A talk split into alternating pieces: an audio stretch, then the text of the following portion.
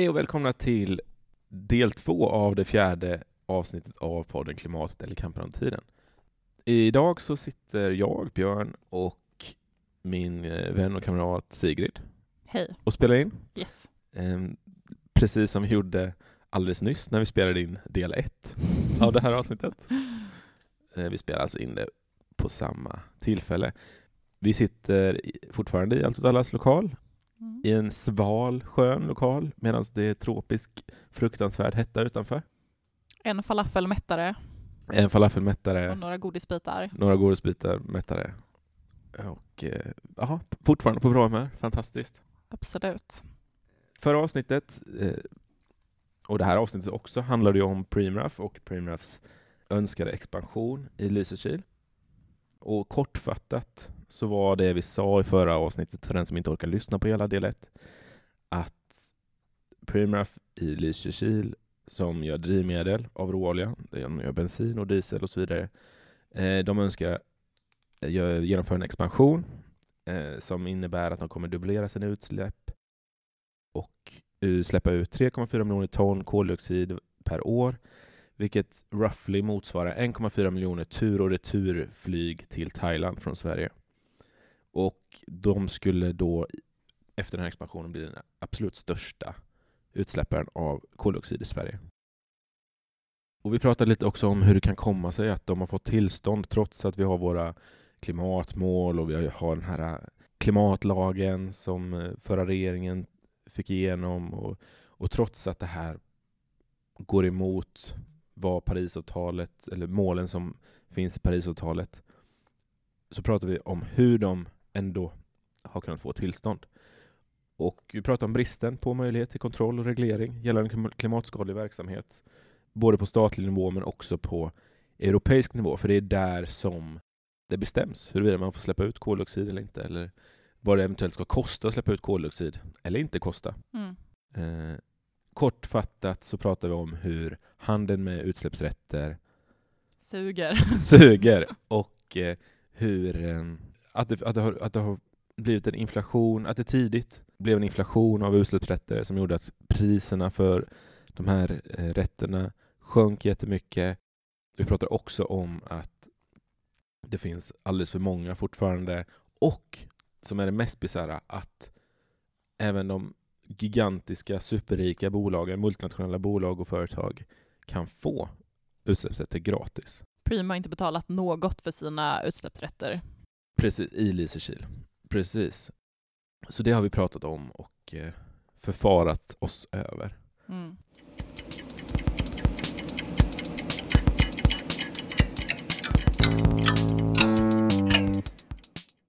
Givetvis har det här expansionsförslaget inte gått helt obemärkt förbi. Det är många inom klimatrörelsen som på olika sätt gjort och kommer göra motstånd mot det här. Och som vi var inne på i tidigare avsnitt så är vi såklart för en mångfald av metoder när det kommer till motstånd. Alla sätt behövs. Men det motstånd som är mest aktuellt just nu är det juridiska, alltså försöken att få expansionsidéerna att fällas på juridisk väg. När det första beslutet från Mark och miljödomstolen kom den 9 november förra året följdes det av en stort antal överklaganden. Det var uppemot ett hundratal privatpersoner som överklagade tillståndet Bland annat jag, tror jag. Okej. mig. Ja. Gud vad nice. Men det var även eh, flera stora organisationer, och däribland Naturskyddsföreningen, eh, som, och deras överklagan eh, gör, utgör kanske det största motståndet, Eh, eftersom de har liksom över 200 000 medlemmar och sådär. Och de har lämnat in en 23 sidor lång överklagan genom vilken de försöker få Mark och miljööverdomstolen att ta upp fallet och dra tillbaka tillståndet för Preem. Björn, du som har läst den här överklagan, varför har Naturskyddsföreningen gjort den här och vad, vad vill de? Mm.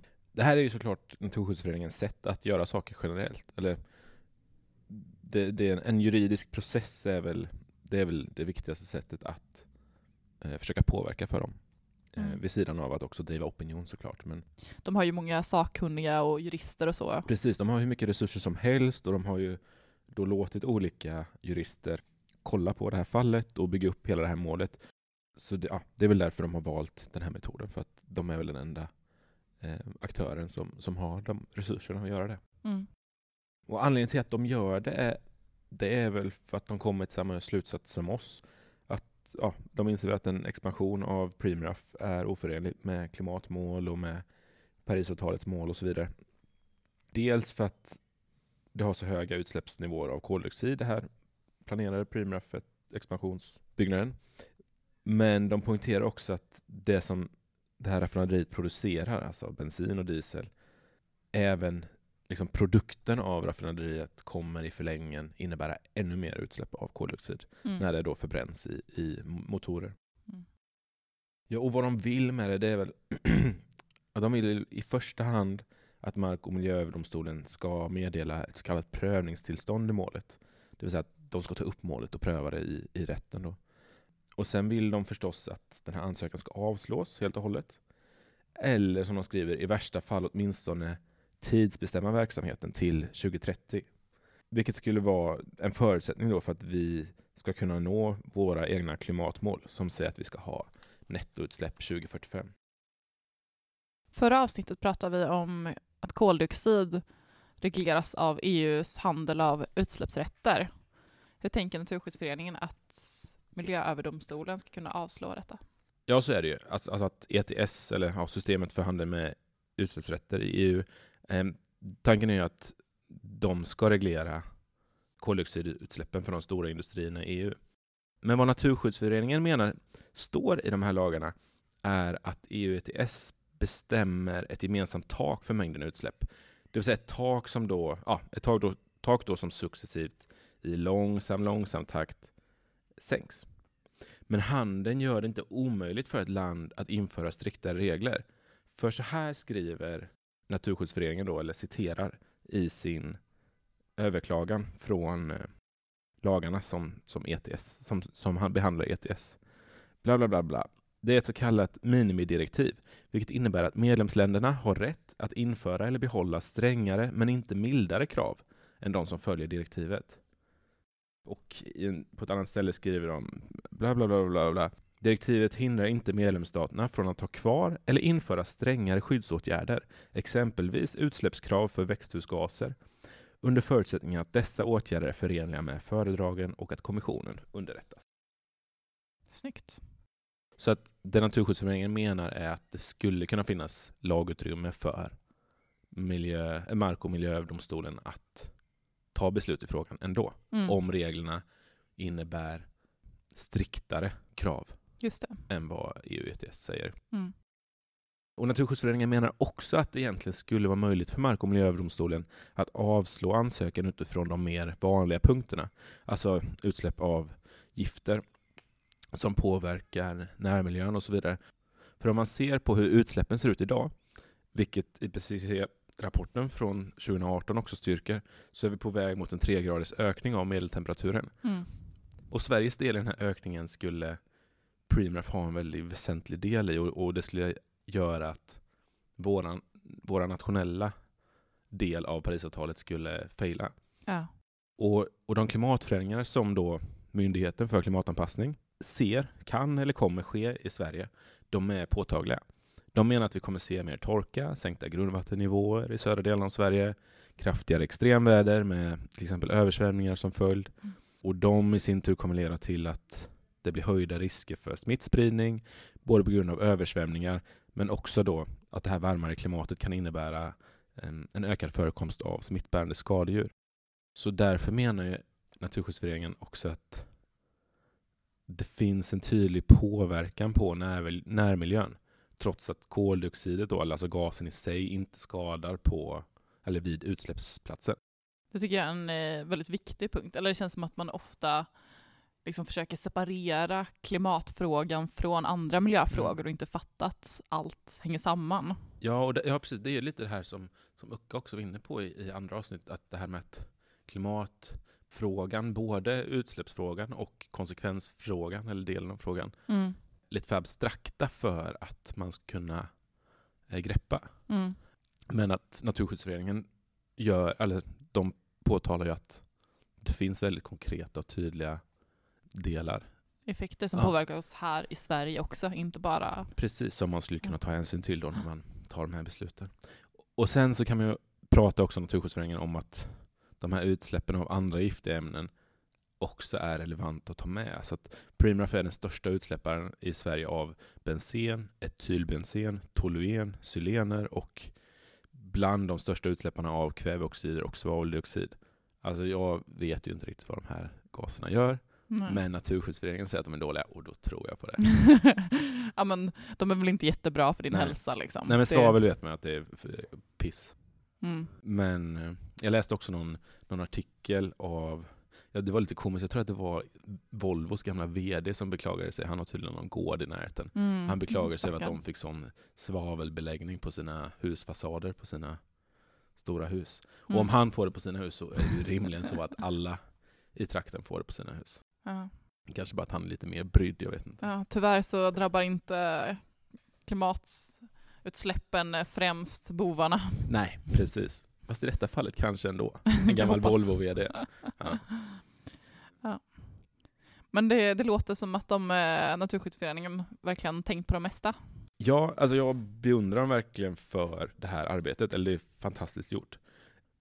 Och ja, det finns också en liten rolig grej som står med i överklagan som, ja, angående det här med verks att verksamheten kan störa djur och att det kan vara ett, en anledning till att neka eh, till exempel expansioner. Mhm. För oss som har hängt med kring ja, allt det här som hände kring den här avverkningshotade Hambachskogen i Tyskland för Där, ett eh, år sedan. Där Ende Gelände brukar Precis. hålla till. Ehm, Det är ett, ett skogsparti, kan man nog kalla det. En liten skog som är jättegammal som hotades av avverkning på grund av att det ligger intill en stor brunkolsgruva som skulle expandera.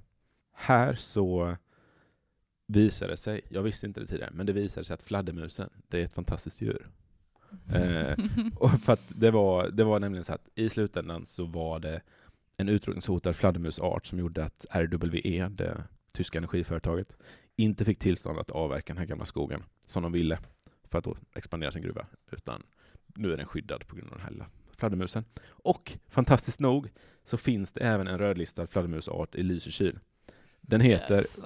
fransfladdermusen. Wow. Fransfladdermusen. Och eh, den har tydligen, hjälte. ja, verkligen. Den har tydligen en väldigt viktig viloplats i närheten av raffinaderiet. Mm. Och det, de, de hotas då av bullret och eh, så som kommer från den här verksamheten. Inte koldioxidutsläppen just, men Mm. utan bullret. Och det har, tidigare har det också inneburit lite problem för Prim. Men eh, senast då när Mark och miljödomstolen gav tillstånd för expansionen i höstas så menar de att problemen inte var tillräckligt stora för att Prim inte skulle få bygga ut. Mm. Men vi får väl se. Det är väldigt absurt att det är den här äh, fransfladdermusen mot ett eh, 15 miljard eh, utbyggnad. Ja. Ja. Ja. Men eh, med lite tur så kanske det kan vara en av många små droppar som gör att bägaren rinner över för Prims del. Ja, och kontentan eh, underskatta inte biologer. Exakt. Det finns en anledning till att Batman tog fladdermusen som symbol.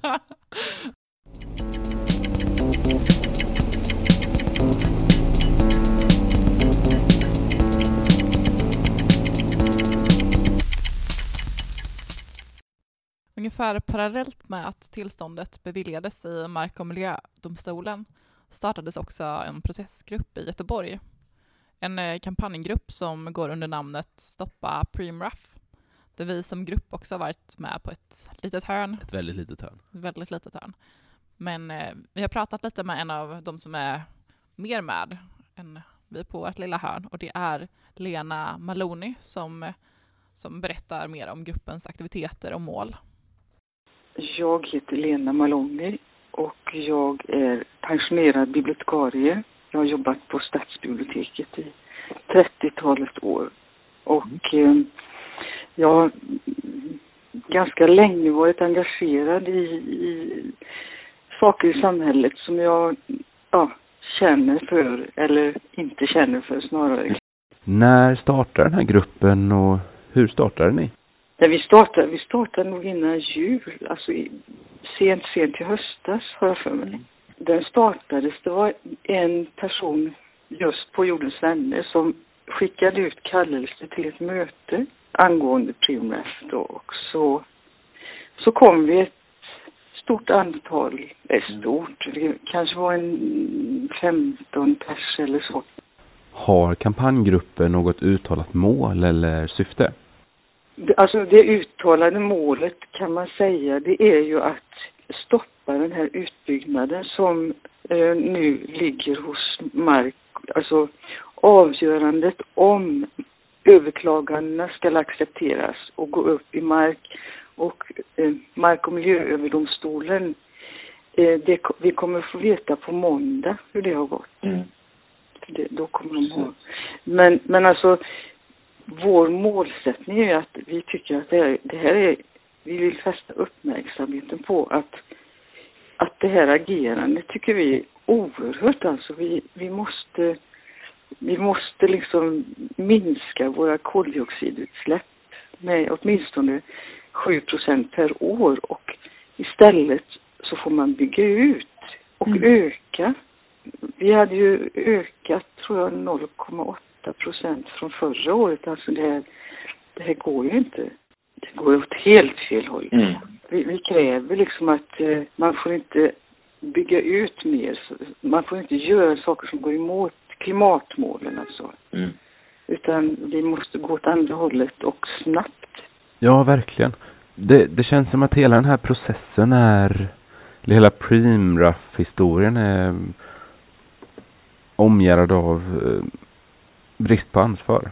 Ja, nej men det, det var ju så att eh, Premraff i, Ly, i Lysekil, jag tror att det var bara i Lysekil, men de har ju fått gratis utsläppsrätt. eh, För jag tror att det var någonting 217 miljoner kronor. Och då, då, ja man tänker ju så här liksom, varför, varför skänker man bort? Och det är ju, jag menar, till en person som inte alls, eller en, en ja man får säga ägaren egentligen då, är ju personen som får ta emot det här. Och eh, vi tycker inte att det finns något som helst samhällsansvar att bygga ut här och driva, överhuvudtaget driva sådana här anläggningar. Det är ju inte, det är ju inte så att, eh, att den här bensinen och oljan behövs i Sverige. Alltså vi hade ju ett jättestort överskott 2017, alltså 2,5 miljarder liter då som såldes till andra länder. Så det, det är bara en business som finns här. Det är inte det att, att Sverige ens behöver den här stora tillverkningen alltså. Jag tycker det är väldigt enkelt.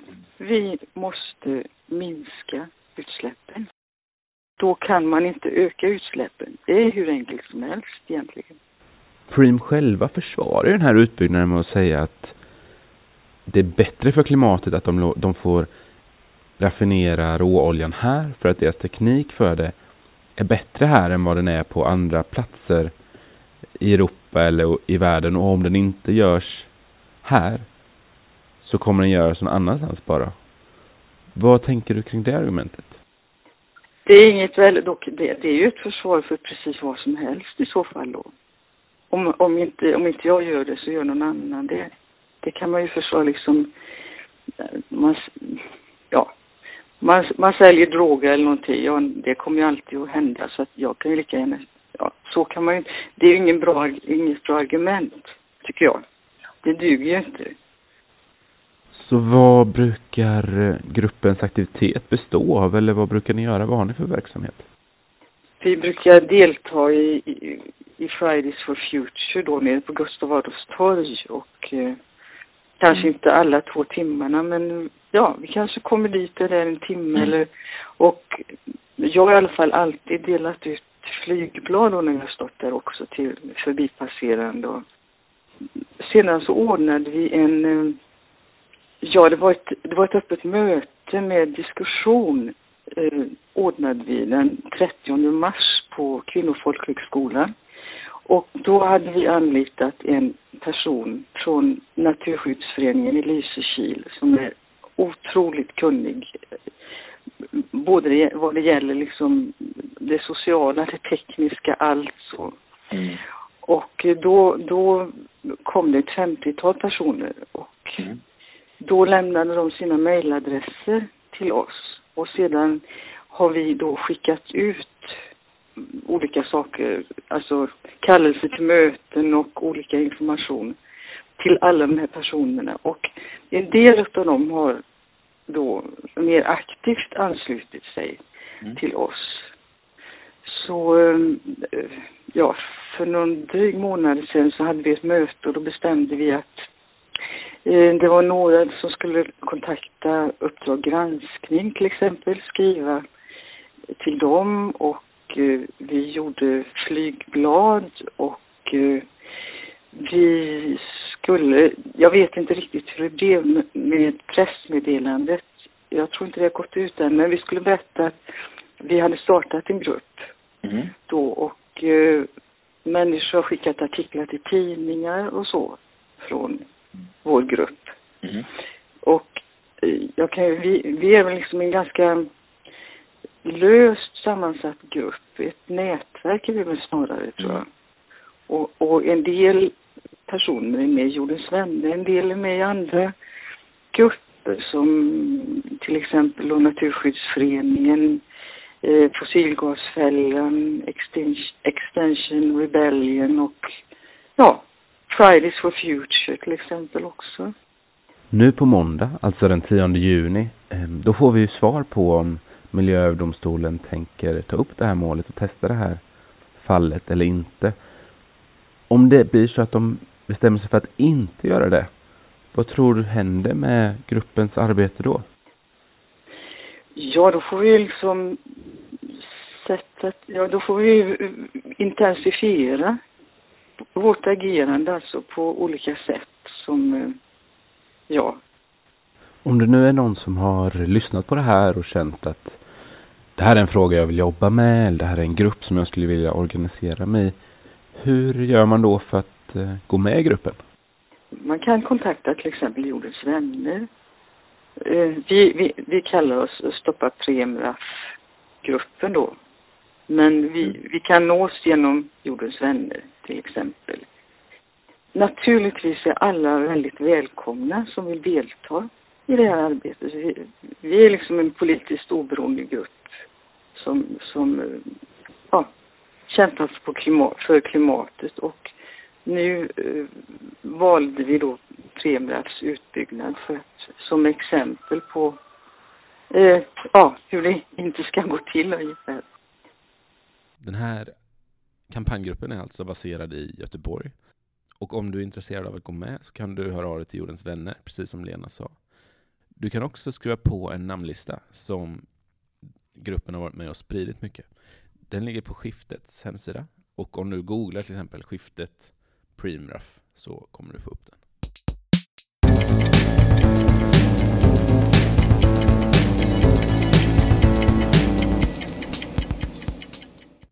Men det finns ju andra saker vi också kan, kan göra. Och en av de största anledningarna till att jag vill vara med i den här podden, det är ju för att just prata om olika typer av motstånd och vad, vad vi kan göra. Eh, vad är du sugen på? Oj, ehm, ja, men det, det första som man tänker på när man, när man tänker på kampanjande eller när man tänker på att driva en fråga mot en specifik motpart, det är väl att arbeta opinionsmässigt. Mm. Att man försöker sprida information om, om frågan, att man kanske försöker ja, dels då gå med i själva gruppen som vi pratade om innan, men, Mm. ja, men starta en grupp som sysslar med frågan till exempel. Eller, Mm. eller sådär. Och, eh, man kan, det kan ju se ut på flera sätt. Det kan ju vara att man bara delar upp, ut flygblad, det behöver inte, även, behöver inte prompt stå en avsändare som en grupp eller någonting, utan det handlar bara om att sprida information. Jag tänker att det är en, en väldigt viktig del. Mm. Sen kan man ju såklart rikta sig mot beslutsfattare. Absolut. Typ mejla, skriva brev till ja, kanske företagen. De kommer kanske inte bry sig så mycket. Eh, men politiker, eller alltså både på kommunal och på nationell nivå. Mm, för ja, just nu är ju frågan en väldigt, den är väldigt het. Det är många som diskuterar den. Så Mm. att det kanske... framförallt är det väldigt många som är väldigt ledsna och oroade. Och jag kan bli lite, ja, men, eh, lite ledsen själv på att folk inte agerar. Eller jag känner att genom att inte göra något så tillåter vi att Prim faktiskt får bygga ut det här. Eh, så jag vill liksom uppmana till att göra olika typer av aktioner och jag tänker att det är inte bara att sprida information utan vi Nej. behöver faktiskt på riktigt liksom använda olika metoder som vi har att tillgå. Mm, precis. På samma sätt som, som vi, vi tänker i alla andra frågor när det kommer till klimat, att det är Mm. väldigt, väldigt brådskande. Vad, det, är ju, det är lite tacksamt med ett företag som Preem, eller? De har, det känns som att det finns ganska mycket, om man nu ska rikta in sig mot Preem specifikt, det, Mm. finns, de, det känns som att det finns ganska mycket att ta Ja, absolut. De, de har ju bensinmackar lite överallt i landet. Det måste finnas ett par tusen i alla fall. Par tusen säkert. Ja. Eller hundratal i alla fall. Men det, det är ju ett väldigt tacksamt mål, så det är enkelt. Det är enkelt att byta ut flaggor, att förstöra saker, att låsa fast saker. Så mackar finns. Mm. Det finns också lite huvudkontor. Det finns också Lysekil. Det finns ett eh, oljeraffinaderi finns ett i Göteborg också för de som, inte, som kanske bor i Göteborg men inte orkar åka upp till Lysekil. som vill ha lite närmare. Precis. Och eh, vi kanske ska säga det att vi, vi har ju en liten dröm då eh, om nästa sommar, beroende på hur den här processen går, att eh, faktiskt ha en eh, massaktion i Sverige. Mm. Det har varit fantastiskt. Ja, så det kan man ju, det kan ju inte vi såklart som liten grupp göra själva. Så om man är intresserad av att ta del av det så kanske man kan kontakta oss. Så Mm. kanske man kan starta en liten arbetsgrupp. Det är väl dags snart om man planerar för nästa sommar. Jag tänker att det också finns, på samma sätt som eh, du till exempel har varit runt mycket på senaste tiden och förstört olika events, alltså Mm. träffar för lobbygrupper eller Mm. för företag.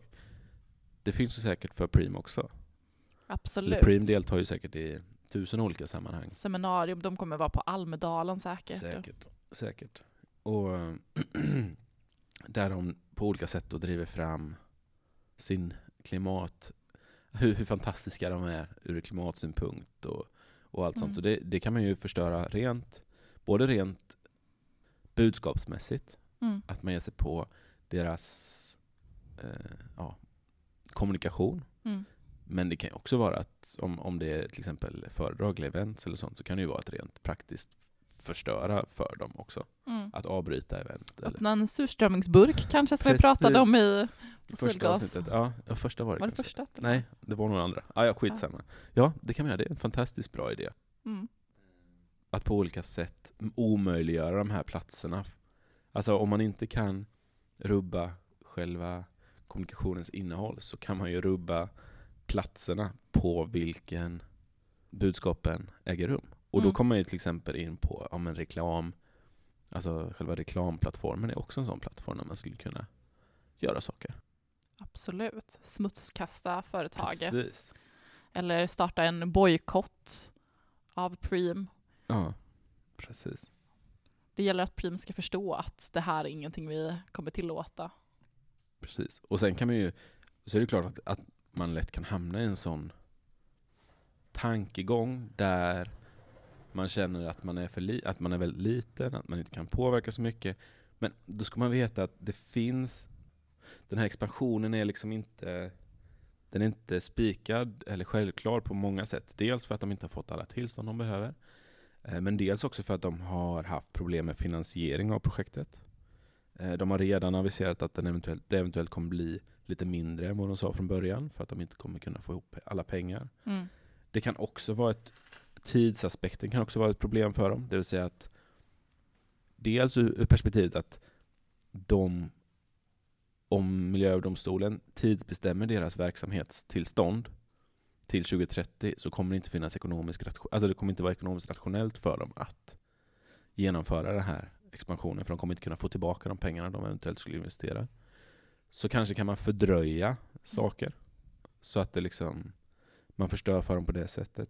Ja. Men, men så, man, så man måste förstå typ att, att alla de här olika variablerna, alltså finansiering och tid och det finns säkert fler som jag inte tänker på. Den här fladdermusen kanske en, en sån liten. Alltså alla de här är ju som små droppar i, i en bägare på något sätt och, och i den bägaren så kan vi också vara droppar. Alltså att På samma sätt som inför att Vattenfall skulle sälja sina eh, kolgruvor i östra Tyskland så pratar aktivisterna om att vi skulle vara investeringsrisken.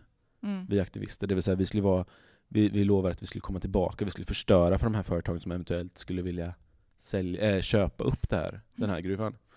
På samma sätt så kan ju vi vara en, en risk för Preem. Det vill säga att det finns en massa människor som på olika sätt skulle kunna vilja göra livet svårt för företaget. Mm.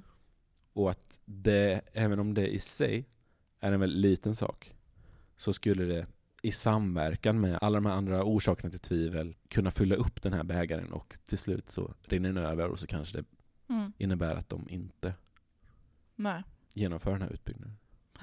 Och sen alltså generellt kan jag också tycka så här att även om, även om Ma- Mark och miljööverdomstolen säger att nej, ni får inget tillstånd att expandera. Även om det händer så skulle jag ju tycka att Preem var ett legitimt mål för aktioner. Eller hur? ja, ja, absolut. Det är ju fortfarande en extremt stor utsläppare av koldioxid och Ja. en del av den fruktansvärda fossilindustrin som vi... Vi Ja. måste sätta, stopp till den. Precis. Alla fossila bränslen som kan stanna i marken ska göra det. Exakt. Så att eh, det finns att göra helt enkelt. Så Det det. oavsett utslaget på domstol, eller i domstolen så kanske det kan vara aktuellt med att försöka mobilisera för en massaktion 2020. Det tycker jag. Ja, med det så kan vi lämna... Det finns, det finns såklart mycket mer man kan göra och ni kan säkert komma på saker lika mycket som vi och vi för jättegärna en diskussion och en dialog kring sådana här saker med alla som är intresserade av att slå sina säckar samman med våran. Mm. Men eh, vi ska nog sätta stopp eller sätta punkt för det här avsnittet nu. Kanske att det kommer fler avsnitt om Lysekil framöver. Precis. Vi har varit lite i kontakt med några som bor i området och sådär som kommer drabbas. Och, vi kommer säkert ha anledning att återvända. absolut.